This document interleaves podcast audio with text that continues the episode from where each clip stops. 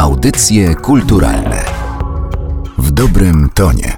Przed mikrofonem Magdalena Miszewska. Zapraszam na kolejny odcinek audycji kulturalnych. Dziś będziemy rozmawiać e, i przypominać sylwetkę e, awangardowego polskiego malarza, w związku z tym, że 24 grudnia mija 20 lat od jego śmierci. Jerzy Tchórzewski ma swoją wystawę i to podwójną w Warszawie. Część prac można oglądać e, w Kordegardzie, Galerii Narodowego Centrum Kultury, a część w Muzeum Archidiecezji. Jerzy Tchórzewski, inne spojrzenie, pracy z kolekcji prywatnych, a ze mną jest współkuratorka wystawy Agnieszka Bebłowska Bednarkiewicz. Cześć. Cześć, dzień dobry Państwu. Jerzy Tchórzewski, czyli malarz, e, który związany był przez całe swoje życie z dwoma miastami. E, z Krakowem, tam studiował i tam chyba swoje serce zostawił i z Warszawą, w której mieszkał. Może to tak nieładnie powiedzieć, że całe serce, bo pewnie połowa też w Warszawie była, skoro zdecydował się tam właśnie spędzić e, życie.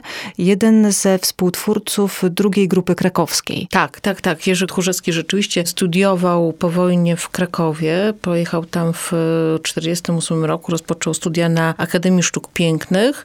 Jest ciekawy, dlaczego w ogóle wybrał Kraków jako e, miejsce swoich studiów, bo pochodził z Mazowsza, z Węgrowa, gdzie spędził całą swoją wczesną młodość oraz e, lata wojny. Ale e, doświadczenia wojenne, które się zresztą kładą cieniem na jego twórczości, spowodowały, że on chciał pojechać do miejsca, które nie zaznało takiej katastrofy, jakim była II wojna światowa. Wiadomo było, że Warszawa jest y, zupełnie zrujnowana, że tam dopiero się tworzą różne instytucje. Natomiast Kraków wydawał mu się idylicznym miejscem, gdzie może spędzić czas, jakby wrócić do tego, co było przed wojną, tego bezpieczeństwa. I dlatego wybrał Kraków. On zresztą napisał świetną książkę autobiograficzną, Świadectwo oczu, który obejmuje ten okres młodzieńczy. On zawsze był bardzo uzdolniony plastycznie i jego prace plastyczne były też wielką chlubą ojca, który bardzo syna namawiał i tak mobilizował do aktywności plastycznej. Także od razu gdzieś było wiadomo, że on pójdzie w tym kierunku.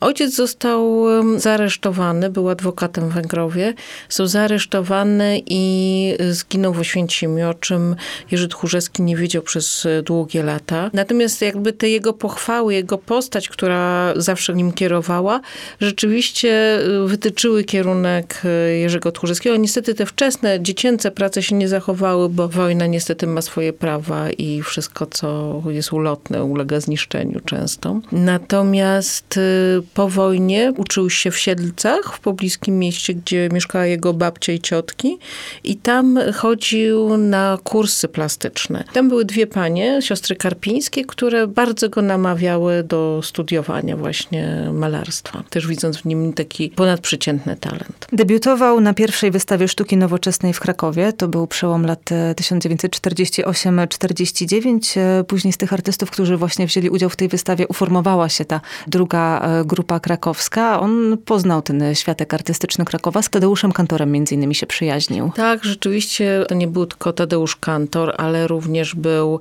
Jonasz Stern, była Maria Jarema, był Jerzy Nowosielski. Także była to rzeczywiście taka bardzo aktywna grupa artystyczna. Mimo tego, że część artystów była komunizująca przed wojną, jak na przykład Jona Szter czy Maria Jarema, jednakże y, oni nie weszli w ten nurt socrealizmu. Dlatego, że jak tylko się uformowali, ta wystawa, o której mówisz, została bardzo szybko zamknięta, jako też przejaw sztuki zdegenerowanej i artyści mieli propozycję, żeby właśnie włączyć się w ten nurt socrealizmu.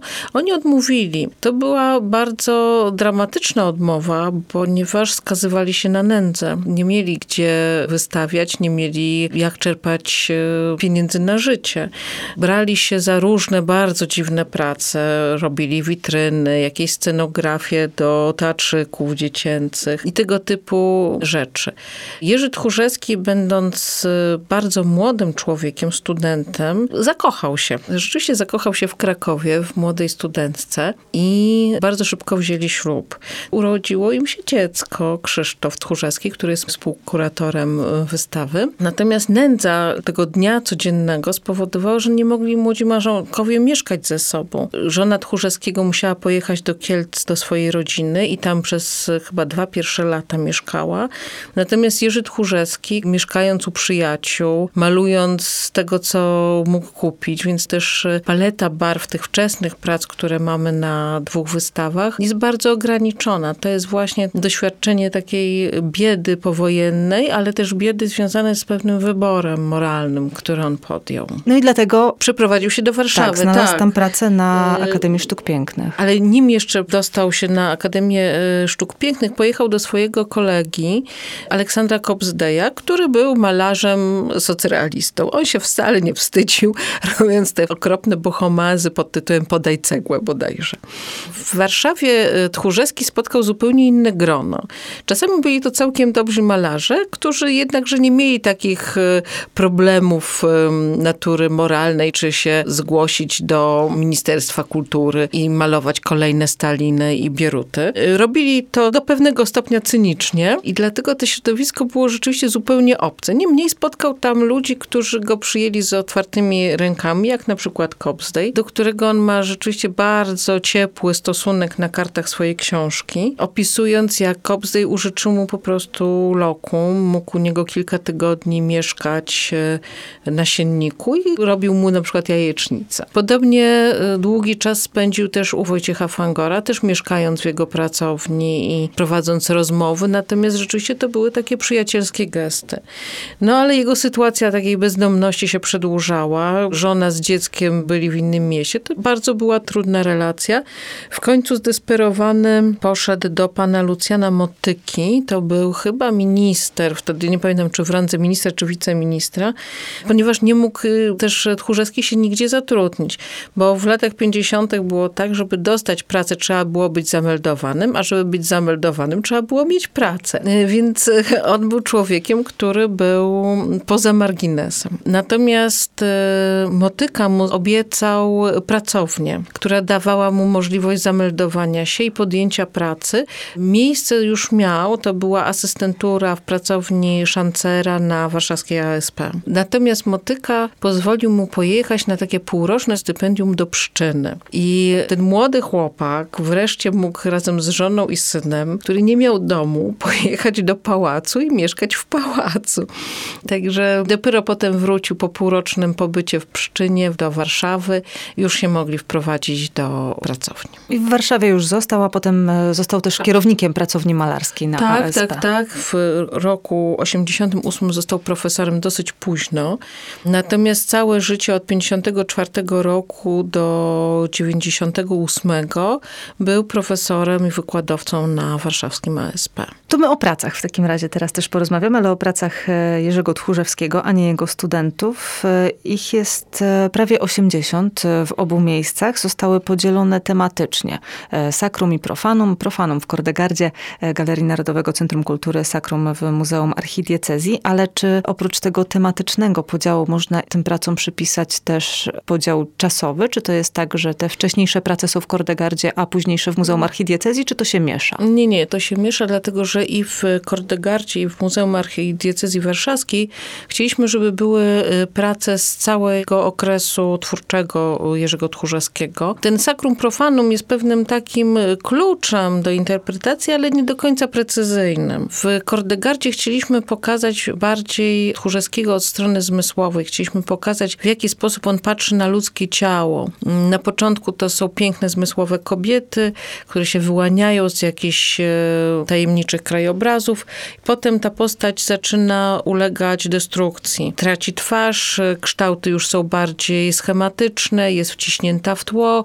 Potem im dłużej y, upływa czas, y, jego spojrzenie na ciało się zmienia. To są już tylko zarysy, kontury. Postać jest tworzona raczej przez fakturę niż przez rysunek. I kończy się tak naprawdę rozpadem postaci. To jest takie spojrzenie Tchórzewskiego w pigułce właśnie na człowieka.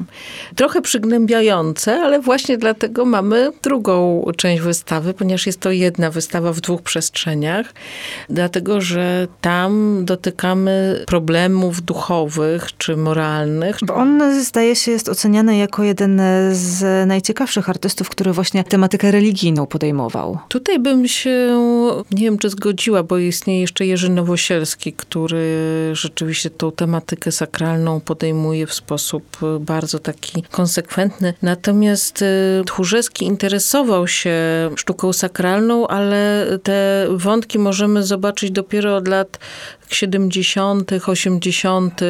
Ma to dużo wspólnego też ze zmianami, które miały miejsce w naszym kraju, ze sprowadzeniem stanu wojennego, z zamordowaniem księdza Jerzego Popiełuszki oraz z tragediami osobistymi, jakim była śmierć żony w 86 roku, którą bardzo przeżył i długi czas był nie chcę mówić, że w głębokiej depresji, ale w głębokiej żałobie, na pewno. Natomiast wcześniej dotykamy przez Tchórzewskiego na przykład takich rozważań na temat y, infernum. Trudno to nazwać do końca sakralną sztuką może, natomiast jest to bardzo ciekawe spojrzenie na uwikłanie człowieka w zło, które jest. I myślę, że to są prace, które mają bezpośredni związek z doświadczeniami wojennymi jego jako młodego chłopca. I tutaj warto wspomnieć też, że Tchórzewskiemu od zawsze w zasadzie blisko było do surrealizmu, nawet w tych wczesnych pracach, e, które jeszcze były figuratywne. I ważne jest też e, nie tylko to, co malował, ale również to, w jaki sposób to robił, bo on e, eksperymentował z technikami malarskimi,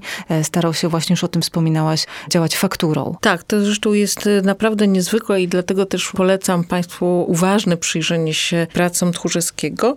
Na naszej wystawie prezentujemy zarówno oleje, jak i gwasze i mimo tego, że to są zupełnie dwie różne techniki, inne farby, inne podłoża, to Tchórzewski starał się uzyskać to, co mógł za pomocą farb olejnych w gwaszu. Jak rozmawiałam z panem Krzysztofem Tchórzewskim, on twierdzi, że do tej pory konserwatorzy nie mogą rozwikłać e, tajemnicy techniki Jerzego Tchórzewskiego i jest to dla nich ogromne wyzwanie. Natomiast rzeczywiście wiadomo, że Tchórzewski malował na płótnach leżących na podłodze. To mu pozwalało stworzyć tą niezwykłą fakturę prac, które jakby wyrastają z obrazu, z lica obrazu. Podobnie z gwaszami. Ma się wrażenie, że on tworzył z papieru jakieś labirynty na papierze. No, to jest naprawdę zagadka. Ja mam tutaj cytat z artysty, który myślę, że będzie pasował. Sądzę, że rolą malarza jest wywoływać życie, przemieniać bierną materię plastyczną w pulsujący życiem organizm. I z tym zdaniem w głowie e, warto się przyglądać e, tym pracom malarskim. Tak, zdecydowanie mimo tego, że od śmierci artysty upłynęło 20 lat, a od początku jego twórczości prawie 70, to jego twórczość rzeczywiście jest żywa i bardzo taka dotykająca, myślę, że y, różne osoby. Rzeczywiście był traktowany jako surrealista, ale myślę, że większe spektrum y, tutaj obejmuje. To nie jest tylko surrealizm, to jest, y, myślę, że też możemy mówić o abstrakcji, o ekspresji jego dzieł. Pod wieloma kątami możemy je opisywać. I chociaż na wystawie tego nie ma, to może wspomnijmy, że zajmował się także twórczością literacką. Przyjaźnił się ze Zbigniewem Herbertem, z Tadeuszem Różewiczem i też e, sam pisał wiersze. Tak, pisał wiersze, rzeczywiście zostały one wydane nawet. No tutaj chcieliśmy się skupić tylko wyłącznie na tym aspekcie malarskim.